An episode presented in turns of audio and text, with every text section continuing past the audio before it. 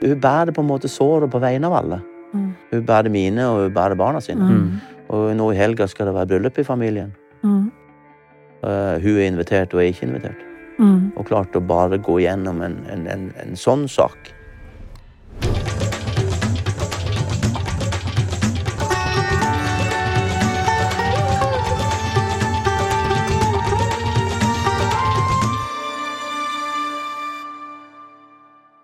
Jeg heter Abid Raja. Og jeg heter Nadia Ansar. Du, Nadia. Vi to kjenner hverandre jo veldig godt. Vi har jo faktisk vært gift i over 20 år. Og det er først nå vi har funnet ut at vi skal lage podkast sammen. Og den skal handle om følelser. Ja, og hvorfor akkurat om det? Lurer du faktisk på det, Abid? Nei, du, egentlig ikke. Jeg, jeg drev egentlig bare og tenkte på om vi skulle lage en sånn fin overgang til de som hører på. Eh, Jeg tror folk har fått med seg at vi er jo litt mer enn gjennomsnitt opptatt av å snakke om følelser. Ja, vi har jo skrevet hver vår bok om skyld og skam, og kjent på kroppen hvordan disse følelsene har påvirket oss. Og det du har fått meg til å tro på, det er jo at hvis vi snakker om disse følelsene, så blir også livskvaliteten bedre. Det har jo jeg kjent på sjøl, skrevet om i boka, og jeg kan bevitne på at det har også gjort at forholdet vårt faktisk har eh, blitt bedre. Derfor skal vi invitere forskjellige mennesker som vi er nysgjerrige på, til å komme hit og snakke åpent om følelsene sine. Målet er jo, og håpet er jo at både gjesten og vi, og kanskje også de som hører på, at vi skal sammen bli flinkere til å både gjenkjenne og håndtere både egne og andres følelser. Ja, rett og slett gjøre både Norge og verden til et mer følelsesvennlig sted.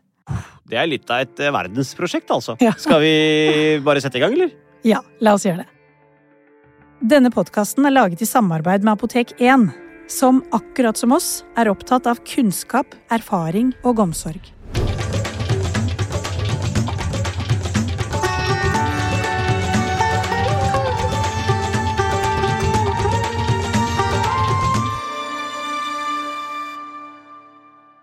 Velkommen tilbake. Eh, Abid, du har klart å få meg inn i studio igjen. Gratulerer. Ja, takk for det. Eh, Og eh, vi har jo faktisk eh, brukt helga til å krangle litt. Og jeg lurer, har liksom tenkt litt på, er det veldig vanlig for par å gjøre under oppussing?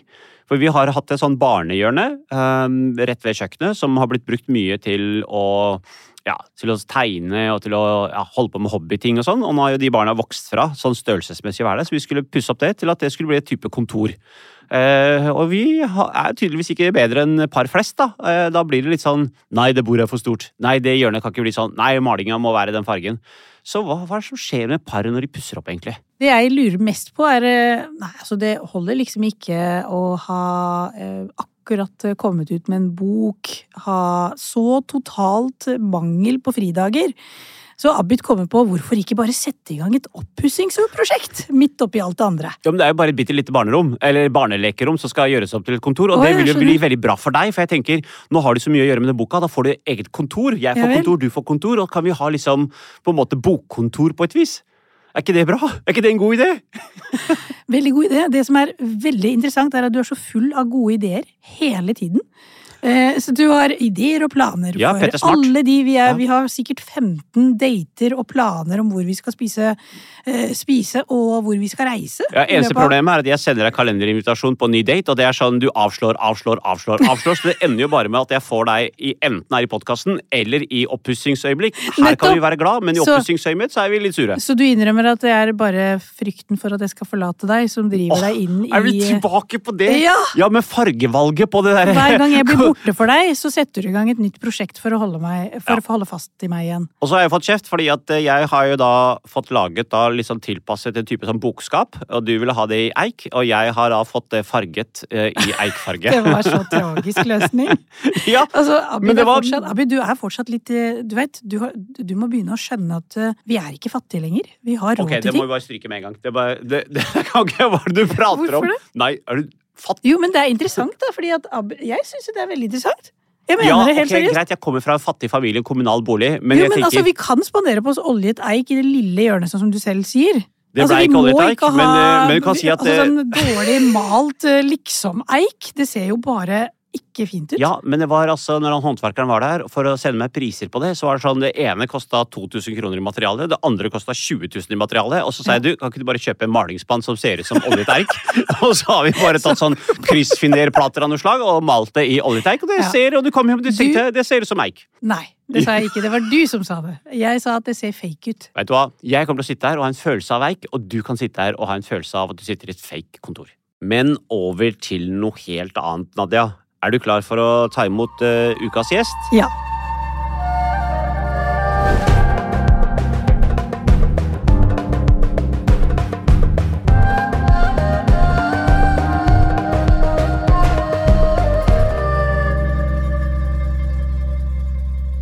I dag skal vi ha besøk av ikke bare en av Norges beste, men en av verdens aller beste trenere.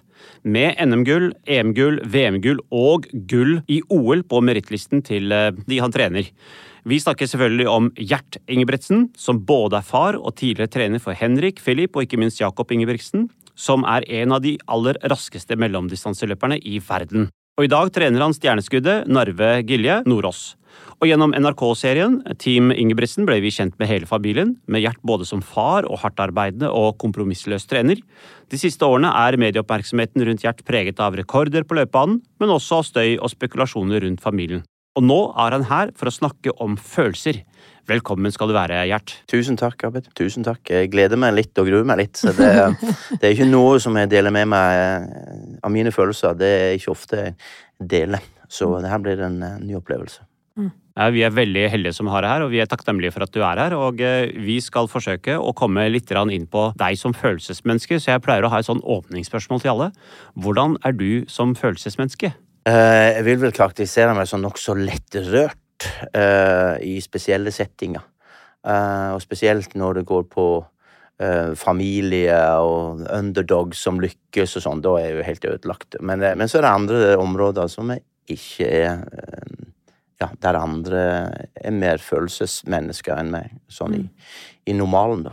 Men eh, jeg vet nøyaktig hvor det, eh, hvor det treffer henne for min del.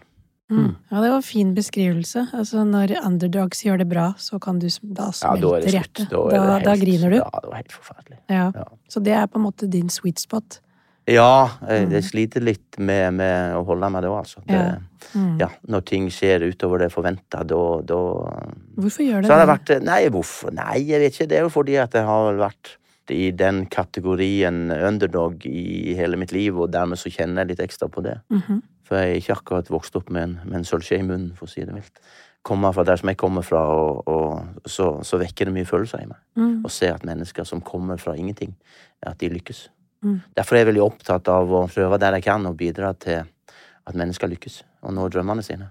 Mm. Eh, veldig lite opptatt av egne ambisjoner. Det Mm. var det sjelden.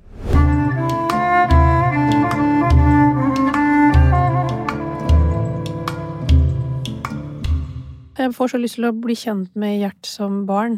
Kan du dra med oss litt i din barndom og Min barndom er jo i stor grad preget av at jeg mista min far tidlig. Og, og han døde da jeg var fire. Og da hadde eh, Min mor var eh, hjemmeværende, og min far døde da, og, hadde to søstre, en yngre og en eldre.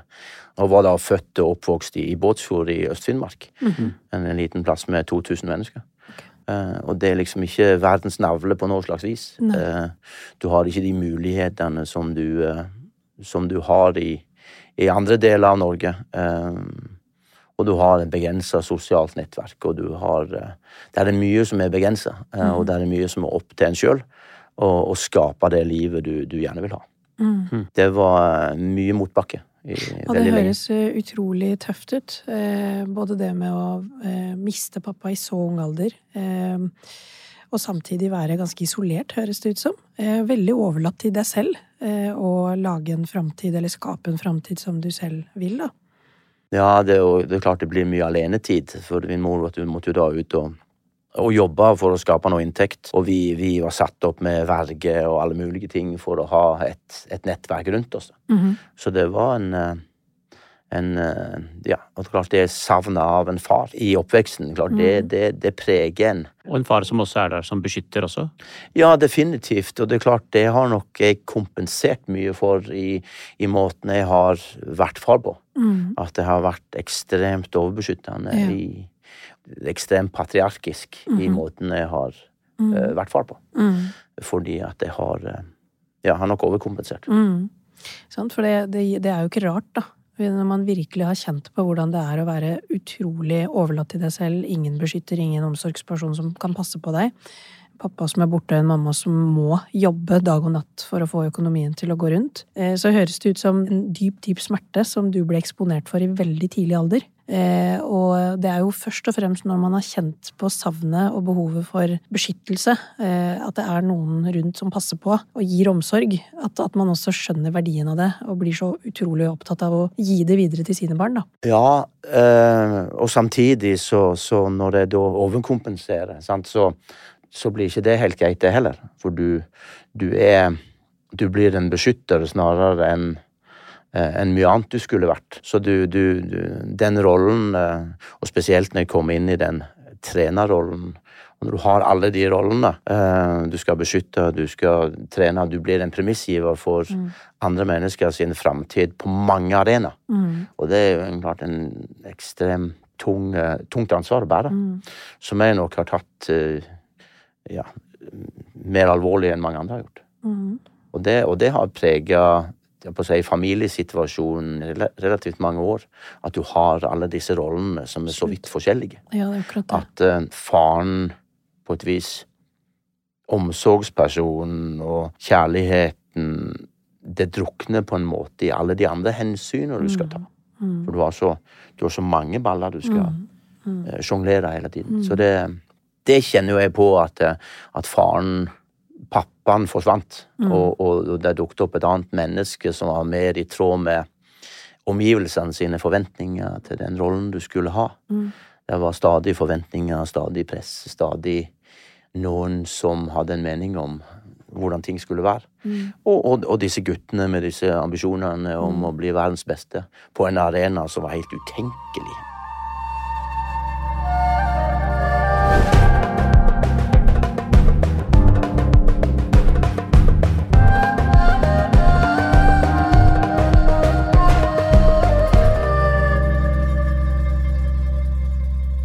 Vi snakket faktisk litt om det eh, på vei hit, eh, Nadia og jeg, om at eh, hvordan må det være å være trener for, for tre som har virkelig lykkes ikke sant? Og, og har blitt enere? og hvordan klarer man den rollen samtidig som man skal være den trøstende pappaen, som skal ned på kne og trøste og kjærlig, og ikke den som pisker og jager? For det er jo litt, litt sånn motstridende roller, egentlig. Ja, det er jo veldig motstridende roller. Mm. For du, du kommer til et punkt der der det emosjonelle, der det foreldremessige, den kjærligheten materialiserer seg i andre former enn det du gjerne skulle hatt. Altså det å hjelpe folk til å få et liv og nå målene sine, er òg kjærlighet. Men det, det er ikke den kjærligheten en far i første rekke skal være der for å gi. Um, så, så det blir en umulig oppgave å dekke um, det emosjonelle, det kjærlige, det å være der når ting er vanskelig. Eh, du, du, du klarer liksom ikke Det er ikke rom nok, det er ikke tid nok. Det er sånn som du sier at hva er viktigst? Er det at han skal lykkes med å bli verdensmester i det han brenner for, eller er det viktigst at han har en pappa som gir støtte og omsorg og er emosjonelt tilgjengelig? Mm. Og det er klart, på et punkt så ser I mitt tilfelle så så jeg liksom ikke det sjøl på samme måte som Men barna begynte etter hvert å savne pappa. Fordi pappa forsvant i haugen av krav og forventninger. Men, eh, men for min del så, så, så var det jaget så tøft at eh, det var aldri tid til refleksjon. Du var, du var alltid på jobb i en eller annen form. Så på et tidspunkt så, så sa guttene nå, nå må vi stoppe, for det her går utover alt som finnes av framtidige relasjoner. Så nå Ja. må vi på nå, nå må vi stoppe det her toget. For det raser rett i fjellveggen. Klarte å stoppe det? Uh, nei, det, det, det gikk for lang tid før man klarte å stoppe det. Mm. Sånn at det, det, det skapes gnisninger, og det skapes uh, eh, negative Ja, det skapes sår som, som i kampens hete går forbi. Mm. Eh, du reflekterer ikke nok over hvor alvorlig de sår, og hvor dype de er. Mm. Eh, du bare dundrer videre, og det skapes nye. Til slutt så, eh, så er man full i sår. I alle retninger. Mm. Og, det, og det skal ha tid til å gro. Det, det Ja. Hva er det du kjenner nå når du snakker om det? Nei, det er klart det. Det, det, det er tøft å ha stått i den situasjonen i lange tid, og det Samtidig så så kommer man òg til et punkt der man reflekterer over hele prosessen, over hele Hvordan havna vi her? Ja. Altså, hvor, hvor, hvor var det vi skulle stoppet henne? Hvor var det det stoppskiltet dukket opp som vi ikke så? Mm. Uh, var det noen andre? Var det noen som skulle stoppet oss Mm. fra å gå uh, i den uh, Ja, inn den blindgata? Mm. Men når du, når, du, når du dundrer av gårde på den måten, og du ikke har tid til refleksjon, så, så, så bærer man jo et felles ansvar for å si at nå har vi kommet så langt at nå, det, nå må du stoppe, nå må du bakke for at det her skal i det hele tatt bli et liv. Mm. Eh, Du, man drar det rett og slett for langt. Ja. Mm. Og det er jo liksom, I fagspråket så kaller vi dette for sånn konkurrerende motivasjon. Et begrep som egentlig bare fanger opp at når vi ikke klarer å stoppe oss, selv om det er så mange tegn eh? Vi ser ikke stoppskiltene fordi at vi har tunnelsyn, og de bare forsvinner i den farta. Så er det ofte fordi at det er andre følelser som kommer i veien. Sant? Så for eksempel hvis jeg har en eh, varme og godhet og ser potensialet og vekstmuligheten i ungen, og vet at dette barnet kan jo bli verdens beste i dette. Det er veldig sterk kraft, ikke sant? sterk motivasjon, versus å lytte til det han sier her og nå. Hva er det som tjener han i lengden? Det kommer jo ikke av et ondt sted. Det kommer egentlig av godhet og omsorg. Og så der og da så klarer man ikke å vekte det godt nok. Jeg må pushe. Dette tåler barnet mitt. Det kommer fra et godt sted. Og så pusher man litt ekstra. Jeg har en iboende aksept for at folk er som de er. Ja. Og middelmådighet jeg syns det er helt greit. jeg. Ja. Å være middels er helt ok. Mm Jeg, ja. jeg tenker I mitt liv, hvis jeg klarte å bli middels, så er jeg fornøyd. Jøss, det var Og, det, og det, hvis de meg, fleste, fleste mennesker tror jeg sliter litt med å akseptere akkurat det. Mm. Aldri hatt noen sånne ambisjoner på vegne av annet enn å bli ordentlige folk. Mm. Høflige, ordentlige, respekt for alle, tolerante. Ordentlige folk er jo mye, mye viktigere enn nominelle verken karakterer eller idrettsprestasjon. Bli ordentlige mennesker. Men, men, men så var det ungene sjøl som hadde en ekstrem konkurransevilje og ønske å pushe pusha på en måte oss til å bidra der vi ikke hadde kompetanse. Mm. Du, dere må hjelpe oss. Dere må bidra. Du må hjelpe oss. Først var det gikk de på ski. Vi skal bli Norges beste skiløpere. Håpløst når du bor på Vestlandet. Og så, ja, og så fant vi en måte å gjøre det på, bla, bla, bla. bla, bla. Så fikk vi litt pause en stund, for da vi fikk enda flere barn, så det var mer enn nok. Og, og så gikk det noen år, og så begynte de med løping, og så gikk det enda litt noen år, og så Du må hjelpe oss. Nå vil vi, vil, vi vil bli veldig gode løpere. Kan du hjelpe oss med det? Du hjalp oss jo med den skigreia, kanskje du er på banen igjen? Nei, så jeg har ikke peiling, jeg har aldri løpt en meter. Altså, og så går du i gang, og så begynner du å sette deg inn i det, og så drar det ene det andre. Og så går det bra, og så går det fint. Så vi kan dra det litt til. Vi kan dra det enda litt til. Kom igjen. Og så, og så er du fanget inn i et Så blir du fanga inn i et mønster der ungenes ambisjoner styrer livet ditt på alle mulige vis. Uh, og, og liksom du, Der er aldri en perrong du kan, kan ikke hoppe av. Det er ikke en plass der det er naturlig å si at nå, nå får noen andre overta det eller det eller det. Det dukket aldri opp noen og rakk opp hånda. Det var liksom ikke noe mulighet til å hoppe av. Mm. Så du ble på en måte fanga inn i, i et Ansvaret. system der du, du måtte være Du måtte være kompromissløs, du måtte være målretta, du måtte være den som hele veien pekte retning. Sant? Du må gjøre det for å nå målene dine. Du må gjøre det, du må gjøre sånn, du må gjøre sånn. Og så, og så helt sånn absurd, så, så går det bra. Mm. Hadde det ikke gått bra, så hadde Nei. du slutta av seg sjøl. du har fått Da utrolig mye sånn eh, respons, da. Så du får jo veldig mye umiddelbar feedback på at det du gjør, virker. Og det, det virker på belønningssystemet vårt. Det blir jo selvforsterkende, alt. Både for min del og for utøverne sin del. Eh, Og til slutt så slutta vi jo på et vis å være far og sønn. Vi Mm. ble jo i større grad eh, profesjonelle i det vi gjorde. Løper og trener. Og så blir, ja. så blir det økonomi inni Ja. dette, og så blir det alle mulige ting. Sant vel? Og det er jo en kjempefarlig kombinasjon når foreldre òg går inn og blir premissgivere på den økonomiske sida. Du blir jo aldri uavhengig av foreldrene dine. Og, og når du begynner å nærme deg 30 år, og du innser at det er foreldrene dine som er premissgiver for alle delene av livet ditt, så blir det et kollektivt opprør, et ungdomsopprør, som blir veldig sterkt, fordi at det blir veldig forsinka. Du? Så istedenfor å få et normalt ungdomsopprør Vi har jo flere barn som har på en måte det normale 15-16-17 At da skal vi liksom ikke foreldrene dumme og alt det der greiene. Sånn. Og det skjedde ikke med løperne. vet du. Nei. Fordi vi var så, vi var så avhengige av hverandre, gjensidig avhengige av hverandre, at når det kommer, så blir det så sterkt. For det kommer så altfor seint, og det er så overmodent, Mm. at det smeller så kolossalt. For da har sårene blitt så mange over Over så lang tid. Mm. Sier man er tre-fire stykk i den, Mm. så, så, så er dine sår ikke atskilt fra, de, fra andre. Altså, Mm. ma- man deler sårene, hvis du skjønner. Man har jo påført de sårene på hverandre, egentlig. Og det- når, når Nadia stilte deg spørsmålet hva, hva kjenner du på nå, så satt jeg og kjente på tristhet. Det er jo kjempevellykket, hele familieprosjektet. Og så er det noe tristhet rundt det også. Det som du beskriver, da, de sårene som blir skapt. Det kjenner i hvert fall jeg som sitter her, på at det, det er litt trist også å være, være her sammen med deg. Ja, det er klart det, for, for, for det er jo ikke verdt det.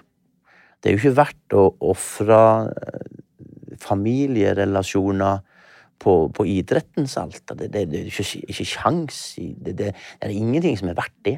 Mm. Men samtidig, den tøffheten som du Når du står som utøver i en individuell idrett på en startstrek i et OL, da kan du ikke være puslete. Mm. Da må du være tøff. Det er ingen som kommer og tar omkring deg og sier 'det her går fint, gutten min'. Det her må du ordne sjøl.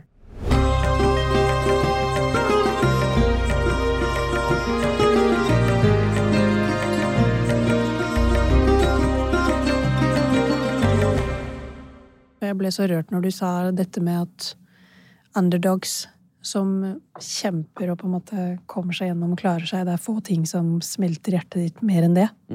Hvis vi skal liksom bli kjent med hva er det For det er noe som jeg tror du og vi begge har litt til felles. da. Vi har vært underdogs som har kjempa hardt for å øh, øh, jobbe med å lykkes da, med våre mål og drømmer i livet.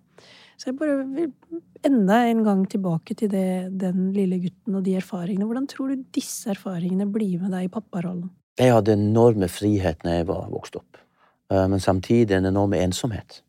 Mm. Fordi at jeg var stort sett alene. Men jeg hadde enorme frihet til å kunne stort sett bruke dagen som jeg ville, i og med at det var jo ingen ansvarlige personer i, i nærheten. Um, jeg har prøvd å gi barna mine en stor grad av frihet til å velge livene sine sjøl, uten min påvirkning. Mm Eh, oppfordra dem til å reise, sendt dem ut i verden. Jeg tror første gang barna var ute og reiste alene, var de 13 og 15. Da de reiste ut i verden alene uten voksne. Mm. Og var vekke i ukevis. Og på idrettsarrangement, eller på Nei, da var de på treningsleir i Portugal og reiste til Afrika, til Sør-Afrika alene når de var 16-17. Ja. Bare, bare hverandre hadde de. Mm. For at jeg ville de skulle oppleve å være sterke og frie. Mm. Og kunne reise der de ville, når de ville. Mm. Og klart det var en kamp med meg sjøl, fordi at jeg nok i overkant eh, bekymra person i forhold til barna mine. Trygghetssøkende. Ja, og da sender de til andre sida av kloden helt alene. Det var tøft og Du vanskelig. måtte trosse din egen frykt, Ja, egentlig. virkelig. Ja. virkelig. Jeg kunne heller ikke være med dem, for jeg hadde hatt en ekstrem frykt for å reise. Med framskreden flyskrekk og båtskrekk og togskrekk og alt som finnes. Er jo ekstremt plaga av alt som heter Frykt. frykt. Har vært, men ikke nå lenger. Mm. Jeg har fått en helt annen ro i forhold til det. Så nå reiser jeg jo verden rundt og beveger meg i byer alene som ikke normale folk ville gjort. Mm. Uh, sånn at det er en helt annen i dag enn jeg var før. Mm. Men da på den tida For vi hadde ikke noe familie. Uh, kona mi bodde hos sin bestemor. Eh, foreldrene bodde i et annet land. Mhm. Hun hadde ingen personer rundt seg. Så når vi fikk barn, da var hun 17. Jeg var 21. Jøss. Det er tidlig. Ja. Um, vi hadde ingen mennesker rundt oss. Ikke tante, onkler, foreldre. Vi hadde ingenting. Det var bare Nei. oss to. Ja. Og da ble vi enda mer sånn Knytta til hverandre. ekstremt knytta til hverandre. Som par og familie. Og det var bare oss. Det var ikke tante eller onkler eller søsken. Det var ingenting. Nei. Absolutt ingenting. Og det var i mange, mange, mange år. Mm. Uh, så, så, så for oss var det der få barn, oppdra barn, ha en jobb og et inntekt og et liv. Uh, veldig viktig. Det viktigste i vårt liv i mange mange, mange år. Panta flasker for å overleve i mange år. For det var liksom ingen å dra veksler på. Eh, det var bare oss. Mm. Og det har jo på en måte prega måten vi har sett på hele dette familiegreiene. Vi er der for hverandre, vi tar vare på hverandre. Hvis det er noe jeg kan hjelpe deg med, hvis det er noe du vil bli, og du kommer med og spør om jeg kan hjelpe deg, så skal jeg gjøre alt som står i min Mm. makt for å hjelpe deg. Mm. Uh, og, og, det, og det er fordi at jeg vokste opp uten de mulighetene. Nettopp. Jeg hadde ingenting. Det var aldri noen som Så når jeg gikk på videregående skole, og jeg ja, Om jeg skulle hoppe av skolen eller finne på noe annet, det var ikke noen som hadde en mening om det. Hva skal du gjøre med resten av livet ditt? Det var aldri noen som spurte engang. Mm. Så, så, så måten vi har organisert oss på, har nok vært prega av min og hennes barndom, der vi var stort sett alene. Mhm. Eh, Tone sine foreldre flytta til Spania når hun var 13, Oh, yes. og starta restaurant som de begge måtte jobbe 24 timer i døgnet. Så hun var jo òg tilsvarende alene uti. Hun hadde jo heller ingen mennesker som på en måte? Det var full frihet, og det var sånn og sånn. Så hun flytta hjem alene når hun var 15, og de ble værende. Og så var hun på en måte ansvarlig for sitt eget liv. Mhm. Og så kommer det inn i bildet. Og så er vi relativt Veldig alene begge to. Og så har vi liksom det fellesskapet. sterke ja, alene og sammen, da. ja, Mm. at vi bare Så vi var vel ikke vekke fra hverandre eller barna våre. Iallfall ikke de første ti, ja, mer enn det òg. Fra Mm. 1988 til 2010-2011. Mm. Så mange år. Så var vi ikke vekke fra barna våre en time. tror. Alltid, alltid sammen. Gjorde aldri noen ting. Fordi at vi hadde ikke økonomisk frihet til å gjøre det heller. Nei. Men vi var Veldig knytta til veldig hverandre. knytta til hverandre som familie. Og veldig sterk eh, familieidentitet. Ja, Og, og veldig verdibevisst, hører jeg. Om at vi stiller opp for hverandre med livet som innsats. Vi er lojale, vi er oppofrende. Familieprosjektet er det som betyr mest. ja, familien i å feire liksom alle mulige ting. Altså store ting og små ting. Alltid noe å feire. Mm. For å vise at vi setter pris på hverandre. Mm. Så er det alltid Det er bursdager, og det er alle mulige ting. Mm. Altså, det er jo Ja. Og åpent hus alltid. Ja. Med venner og Mm. har en sånn fest en gang i år, det lille julaften, der vi har sånn vennes-vennes-fest. Vi begynte med da ungene var små. Og det, det, ja, det har vi holdt på med til ungene er langt opp i 30-årsalderen. Mm. Eh, med 50 mann hjemme Ja. i Så tjo og også ekstremt rause, da. Voldsomt åpent hus, Ja. alltid. Mm. Det er litt sånn, eh, jeg holdt på å si, litt sånn innvandreraktig. Litt som eh, Ja, Sem oss. Også litt sånn eh, for mange med, altså med litt sånn satt på spissen, og så, har man en sånn myte om at og den er kanskje sann nå, men altså at, at mange med innvandrerbakgrunn at man holder mye mer sammen og bor tettere på hverandre og har en sånn annen type bånd og relasjon og en sånn pliktfølelse knyttet til hverandre eh, med oppfølging. Mens i det norske samfunnet så er det mer sånn generelt at alle oppdras til en sånn type selvstendighet, at de, at de skal ut av huset når de er 18 år. ikke sant? Så, det, så det, du hører jo en veldig eh, Det er nok litt klisjéaktig framstilling, men jeg skjønner hva Ja, du det er litt klisjéaktig. Jo, men, men, men Litt stereotyp. ja. vi bygde også et hus rett i nabolaget der vi bodde før, og der har vi to leiligheter nede i, i huset. Bitte små. To små leiligheter Ja. som alle barna har bodd i på Mm. forskjellige tidspunkt. Og siste av barna som flytta ut, var i uh, desember 2021. Aha. Og da hadde det bodd barn i de leilighetene siden og, så, og nå bor far til kona mi, han bor i den ene leiligheten. Ja. Og så har vi for første gang leid ut den andre. Aha. Og så bor han ene sønnen min, han bor Det er ett hus imellom oss. Mm.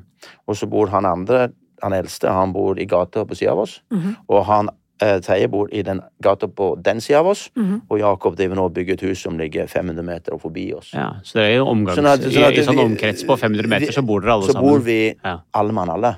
Mm. Uh, og de har alle vært bodd andre, andre steder. Mm. Andre plasser både i byen og, og andre, men, men alle man trekker inn imot Familien. Ja, så selv om vi har disse gnisningene, selv om vi har disse Mm. uoverensstemmelsene i perioder, så, så er liksom aldri i tvil om hvor du skal hen til slutt. Da skal du akkurat dit. Mm.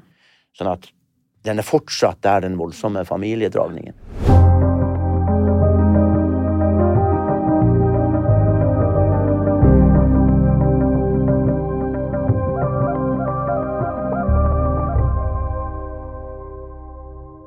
Du, Gjert, jeg har veldig lyst til å stille deg et spørsmål.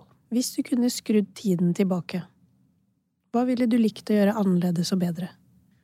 Uh, jeg, hvis jeg hadde visst det rett i dag, uh, og, og, og kunne skrudd tiden tilbake igjen, så, så hadde jeg nok aldri rekt opp hånda og sagt ja når spørsmålet kom om pappa kan være med og bidra, hvis jeg hadde visst. Altså, normalt sett når barn kommer til deg og spør kan, du, kan ikke du være hjelpe oss på fotballen, for de trenger altså foreldre, så er du med de litt på fotballen, så er du med de her og der, og håndballen og hva det måtte være for noe. Sånn, man stiller jo opp. Mm.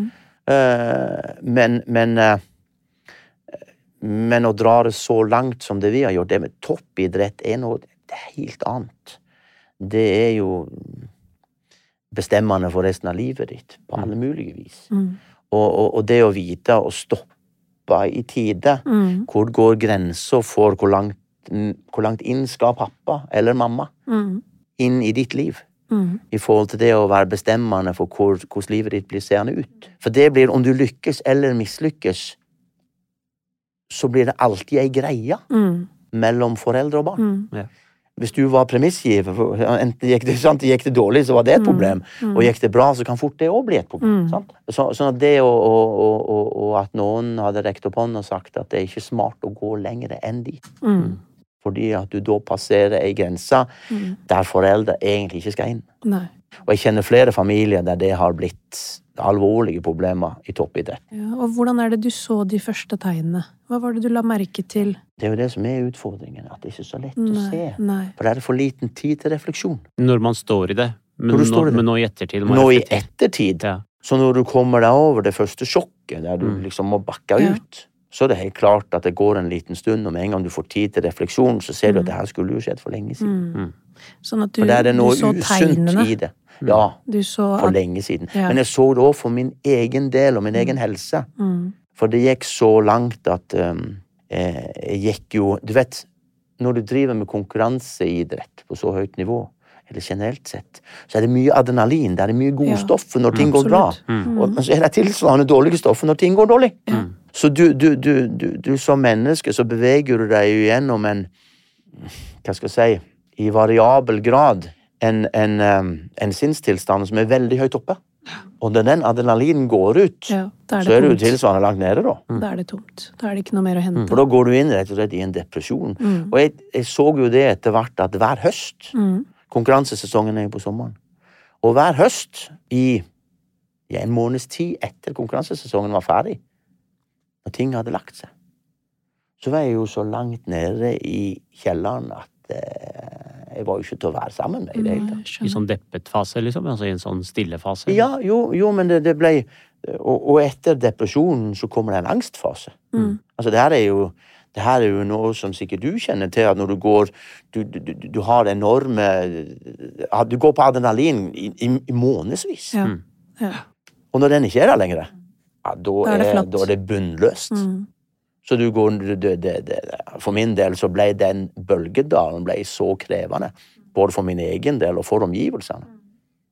Så du, du, du levde på adrenalin i så lang tid, og så gikk du inn i en depresjon, og så gikk du inn i en angstfase, før du gikk over i en ny adrenalinfase, Ja. og så går det her Det, det her, det her blir det Så det er jo et eh, Det er akkurat som om hele immunforsvaret er i konsekvent alarmberedskap. Fordi du skal prestere på høyt nivå, og det som skjer da, er at du går på akkord med dine egne altså naturlige behov. Da. Du må på en måte override kroppssignaler og så bare kjøre på, og gønne på.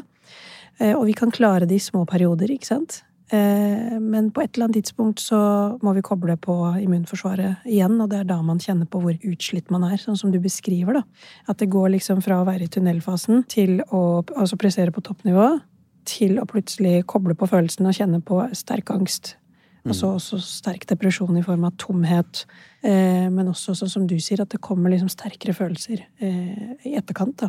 Så det er jo reaksjoner du beskriver som på en måte du så, du så tegnet i deg. Og så lurer jeg på, Ja. så du noe tegn i relasjon i etterkant nå i barna dine? Som du skulle ønske at du kunne ha stoppet opp ved å Ja, du kan si den mm, Barna lykkes jo ikke samtidig. Det er noen som lykkes, og så er det noen som føler Mm. de hele veien måles opp imot den som lykkes. Nettopp. Og da føler de seg mislykka. Ja. Så når, når, når, når de som ikke lykkes, Mm. eh, trenger det, som far, så er du ikke til stede. Nei. For du er jo da fokusert på den som lykkes, Mm. i stor grad. Så du har ikke tid til å være til stede Mm. for de som ikke gjør det fullt så bra. Mm. Og så, så, så oppstår der disse periodene med, med de følelsesmessige berg-og-dal-banene, Mm. der du hele veien, for min del, må, må veie opp imot hverandre. Skal jeg bruke tid på den som har det vondt nå, Mm. Som du som far burde gjort? Ja. Eller skal du bruke tid på de som i det profesjonelle Ja. trenger det lille ekstra for å lykkes? Mm. Ja vel. Og så velger du feil, da. Det er den konkurrerende motivasjonen. Ja, ja. Så velger du feil. Mm. For du står der i en pressituasjon, og må da velge hensynet til den som skal lykkes, Ja. har muligheten til å lykkes, Mm. og så har du ikke da tid til, Men til de som da, trenger det. hvis, eh, som barn kan man tenke da at eh, pappa er der for meg hvis jeg lykkes. Eh, og hvis jeg ikke gjør det bra, så er ikke pappa der for meg. Og det er nok noen av de som ikke driver idrett, som nok har kjent mye på det opp Mm. At idretten trumfer alt. Eh, men det går ikke på vilje eller ønske, det går på tilgjengelighet. Mm. Og den tilgjengeligheten er en gnagende dårlig samvittighet hos oss som, som skulle ønske vi hadde den tilgjengeligheten. Mm. Um, jeg kom hjem fra et, eh, et mesterskap. Jeg var så kjørt at eh, jeg var helt ferdig. Jeg, var, jeg visste ikke Og jeg har jo et liv der jeg går på jobb dagen etterpå. Mm. Min vanlige jobb. Så jeg får aldri en pustepause. Mm. Uh, og det har nok vært med å forsterke den nedturen som jeg har hatt. Så står han ene sønnen min på trappa, og så sier han 'Hvor blir du av?' Du skulle vært hjemme hos meg og hjulpet meg med huset mitt. Mm. Og der står du med Du, du, du er så langt nede i kjelleren Mm. at eh, Hvilken Og- og- sønn var det? han eldste. Mm. Og da står han på trappa, og, og, og jeg har lovt han at å komme og hjelpe. Mm. For at jeg, Henrik? Nei, Kristoffer. Da er elektriker hjemme hos han og installerer alt elektrisk i hans hus. Mm. Men jeg kjenner jo det at det, det, det kan du ikke gjøre, du er helt ødelagt. Mm. Men så gjør jeg det jo allikevel, da. Mm. Og så forsterker det egentlig for, for, at han har jo stått og venta på meg i, i månedsvis. sant? Mm. Og, og, og, og idretten på en måte har trumfa alt. sant? Og de, de periodene du trenger pappa, så er han ikke tilgjengelig. Nei, fordi han er Men jeg kan jo- Jeg forstår, han er helt ødelagt. Men jeg kan jo forstå deg, Gjert. Altså, når du sier at eh, når du er der ute og presterer på så høyt nivå, adrenalinet bare koker og koker, så trenger du også hente deg igjen. Så når du kommer hjem, så har du bare ikke energi i overskudd. Du, det, er, det er nok med å egentlig bare eksistere og fungere. Det høres jo for meg ut som om du går rundt og bærer på mye I fagspråk så kaller vi det for adaptiv skyld, da. Og det er egentlig bare en sånn en, en følelse som vi foreldre skal kjenne på.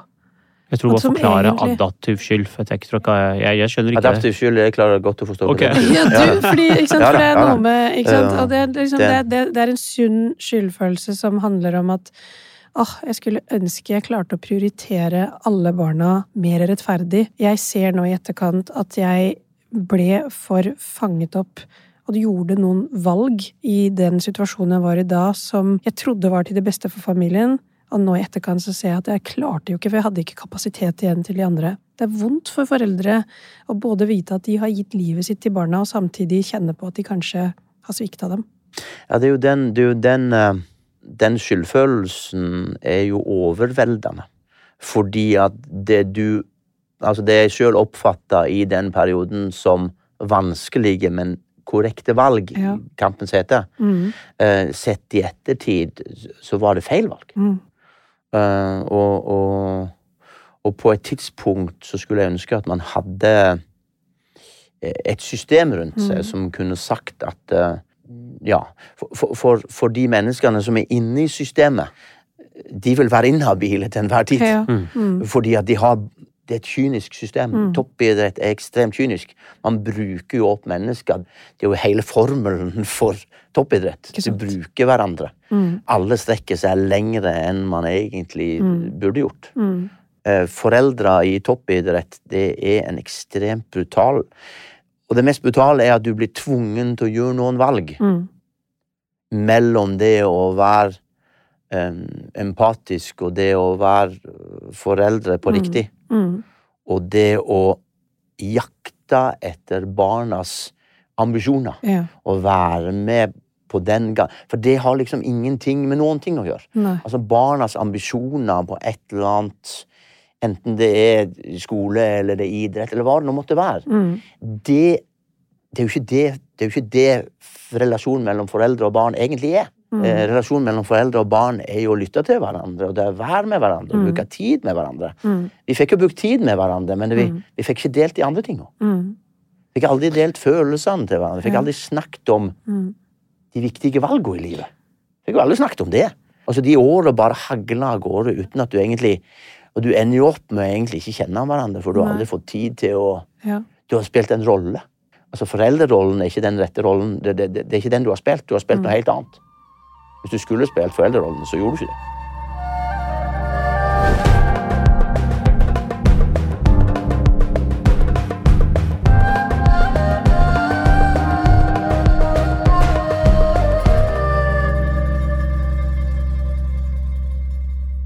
Har du lyst til å si unnskyld?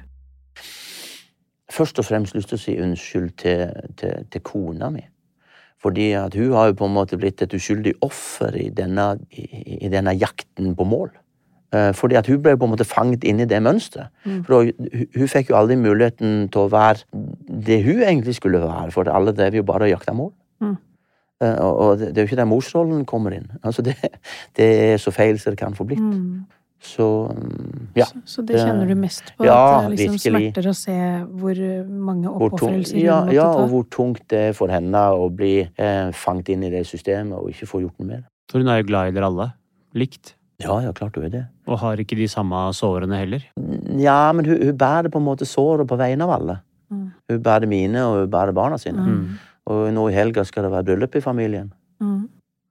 Uh, hun er invitert, og jeg er ikke invitert. Mm. Og klarte å bare gå gjennom en, en, en, en sånn sak. Hvem er det som Eh, gifter seg? Jakob. Hvordan kjennes det ut å ikke være det er klart, invitert? det er jo helt håpløst. Mm. Ja, det er jo klart, det å ikke kunne være til stede når, når barn, barna gifter seg, det er klart Mm. det, det er smertefullt. Mm. Har du lyst til å si unnskyld til Jakob? Ja, jeg har lyst til å si unnskyld til, til mange mennesker, men, men eh, å formulere en, en, eh, et unnskyld vil være vanskelig, fordi at du, du vet ikke hva punktet der ting gikk galt. Jeg hører at du har mer lyst til å gi en slags global unnskyldning til alle barna. Både de som ba bare ble kjent med trenerpappaen, og de som skulle og ville og hadde fortjent å ha en vanlig pappa. Ja, sånn at det å gi eh, mer unnskyld til noen enn til andre Alle barn vil fortjene et unnskyld. Noen for noe, og noen for andre ting. Ja. Så, så derfor blir det, som jeg sier, at igjen eh, Å gi et mer unnskyld til noen enn til Mm. andre, det, Det Det synes jeg blir feil. det. Mm. Um, det er klart det er mitt ansvar som foreldre at noen ikke får det nok. Mm. Får nok oppmerksomhet rundt sine ting. Men, men det igjen, du blir ikke for å unnskylde meg sjøl, men du blir på en måte fanget i et mønster Ja, og får for liten tid til refleksjon. Du, du, du har mer enn nok med å henge med. det er akkurat det.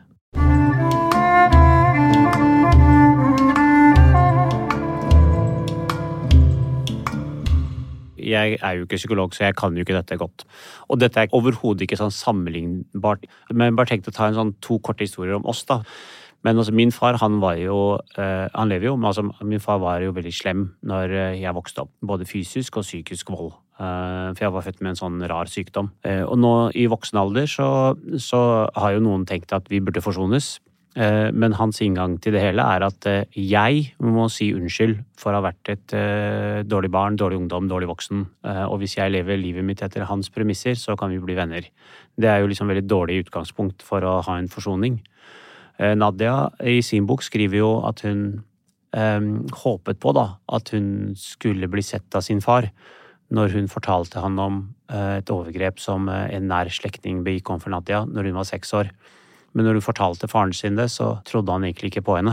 Så hun i voksen alder som psykolog skrev egentlig et tilgivelsesbrev til seg selv, eh, formulert fra sin far. Et sånn fiktivt brev hvor hun sier jo da at jeg skulle ønske at jeg som far hadde sett deg, trodd deg og vært der for deg.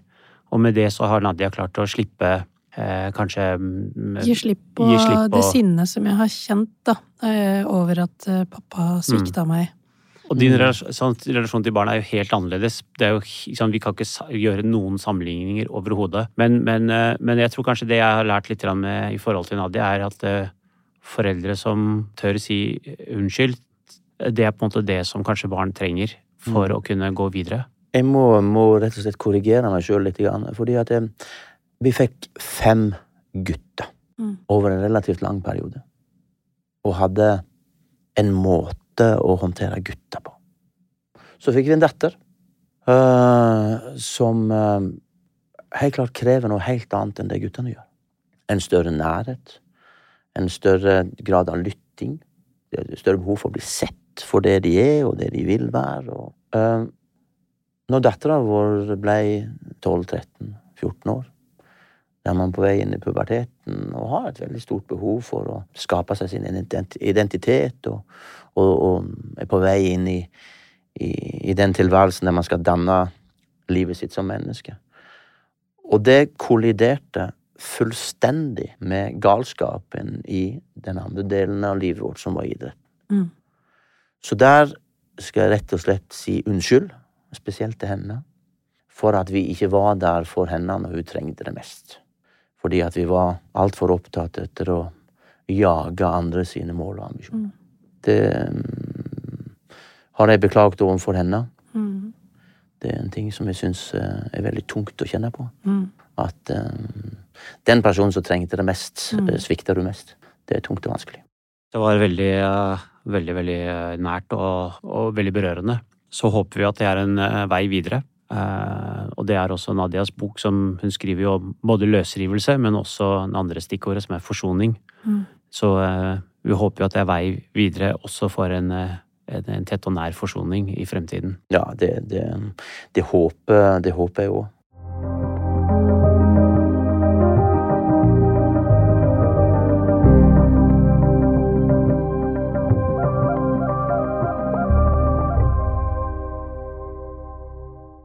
Altså Jeg må være ærlig og si at jeg har jo truffet deg egentlig bare én gang før, men alt det jeg har sett i avisene og lest, og, og ikke sant, også serier og så videre, så har jeg hatt et veldig sånn inntrykk av at du er sånn steinhard og sånn streng, og, og, og jeg, vi var litt sånn Hvordan skal vi komme på følelser med hjert? Men det sitter her og er helt sånn lamslått av, eh, av det, også at det er en myk mann eh, der inne. Som, Så følelsesmenneske med så Vi hører jo at du angrer, du tar ansvar. Utrolig sterkt. reflekterer over ting som kunne og burde ha vært gjort annerledes. Mm. Så der er det mye lærdom for enhver av oss. Men vi går mot slutten, og vi har et eh, fast eh, punkt. Eh, Det er noen kortstokk som ligger foran deg. Du trekker et kort, og så leser du hva som står der, og så sier du det som faller deg inn. Ja. Ja, så jeg klarer ikke å lese hva som står, fordi jeg har ikke brillene. Hvor mange venner har du? Står det på den. Ja. Ehm, det er rart med akkurat dette med venner. Ehm, ehm, du har um, relativt mange venner, i hermetegn, når ting går bra. Når ting uh, ikke går fullt så bra, så reduseres den um, vennebunken relativt uh, dramatisk. Og du sitter igjen med et fåtall venner. Jeg har ikke mange venner. Jeg har egentlig aldri hatt veldig mange venner, fordi at det å vedlikeholde relasjoner i mitt liv har vært eh, vanskelig, fordi at tiden ikke strekker til. Mm. Så jeg har, eh, jeg har et fåtall venner, men eh, en god del av det som jeg trodde var mine venner, er ikke lenger der. Mm.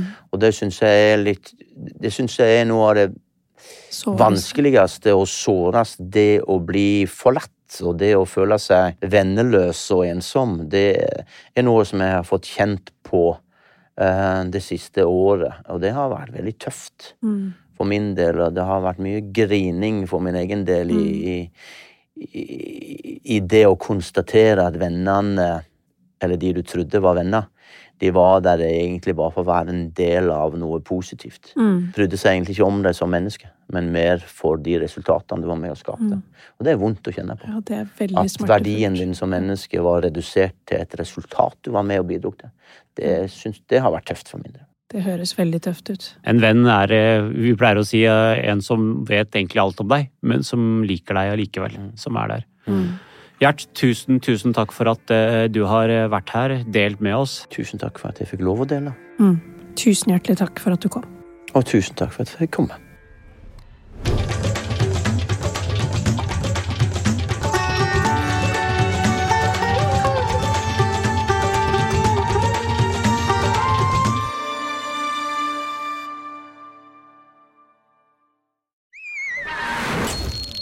Plan B.